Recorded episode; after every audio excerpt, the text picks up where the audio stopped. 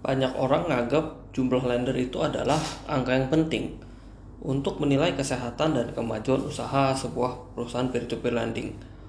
Ya itu nggak sepenuhnya salah sih, malah uh, cukup benar karena memang peer-to-peer lending itu membutuhkan lender untuk menjadi peer-to-peer. Kalau nggak dia sama aja seperti bank atau multi finance atau koperasi gitu ya, yang hanya mencari borrower saja. Tanpa lender ya bukan perusahaan peer-to-peer lending namanya.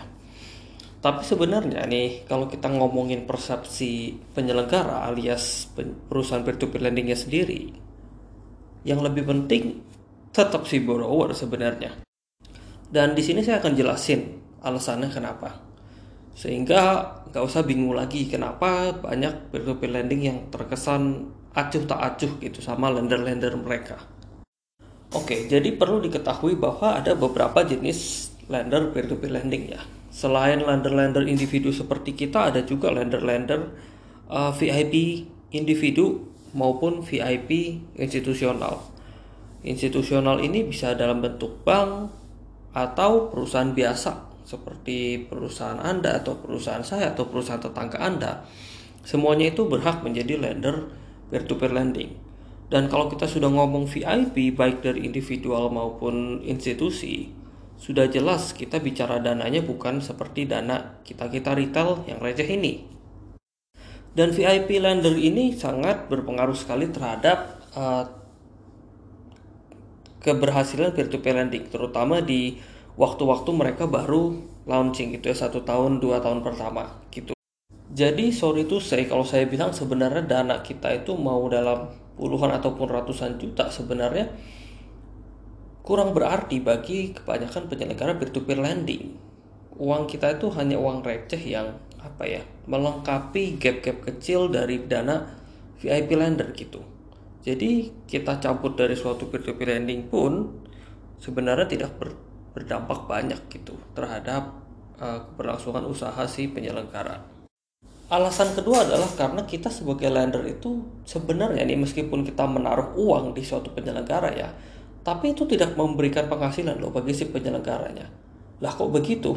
Lah karena penghasilannya itu datang dari borrower, bukan dari kita. Kita perlu paham ya bisnis peer-to-peer lending itu uh, dapat untungnya dari mana gitu. Kalau nggak ya ngapain bisnis kalau nggak ada untungnya. Yang pertama itu adalah biaya provisi atau admin. Ini dibebankannya ke borrower gitu ya. Dan dipotong dari nominal pencairan pinjaman si borrower. Misalnya nih, uh, dia uh, minjem sebesar 200 juta, lalu mengenakan biaya provisi satu persen gitu. Jadi ada biaya provisi 2%. Nah, ini si borrower terimanya hanya 198 juta. 2 jutanya ini dianggap penyel di, di, di ambil oleh si penyelenggara dan ini sangat normal sekali kita bisa lihat di bank pun ada biaya provisi kalau kita melakukan pinjaman dalam bentuk apa pun Penghasilan yang kedua adalah dari spread atau selisih bunga yang kita terima dan yang borrower terima. Misalnya nih, si borrower dikasih bunga 20%, kita dikasih bunga 15%. Ada selisih 5% itu menjadi hak penyelenggara gitu. Nah dari sini kelihatan kalau ada lender tapi nggak ada borrower sama aja nggak ada penghasilan. Karena lender kita ngasih uang ke mereka, uang itu nggak diputerin, itu tetap sepenuhnya prinsipalnya modalnya itu merupakan hak lender, nggak boleh diambil oleh si penyelenggara. Jadi sumber penghasilan penyelenggara itu dari borrower gitu. Malah saya sebenarnya agak ekstrim ya kalau ngomong seperti ini, tapi ya terserah Anda mau setuju atau enggak dengan saya. Tapi kalau saya ini berada di posisi penyelenggara peer-to-peer lending, lender itu buat saya adalah liabilitas ya. Kenapa? Karena kita sebagai lender ya manusia biasa ya, kita memiliki keinginan, kemauan, kritik, saran, dan itu banyak yang harus dipenuhi gitu. Kalau kita nggak puas, kita melakukan kritik itu di sosial media, di komunitas Telegram, di blog seperti saya gitu dan itu menyebarnya cenderung cepat gitu. Jadi satu lender yang nggak puas itu bisa membuat banyak calon lender kabur gitu. Jadi jelas itulah alasan saya kenapa kalau ditanya kenapa kok Adrian kok nggak mau bisnis peer to peer lending aja ya saya memilih lebih enak dari belakang aja mengkritik dan mengata-ngatain daripada saya ikut pusing gitu menghadapi banyak lender yang bawa banyak maunya gitu loh. Sedangkan kalau kita bicara lender VIP ya biasanya mereka ini diikat oleh suatu perjanjian komitmen dana di uh, di apa ya, di lock beberapa lama seperti deposito.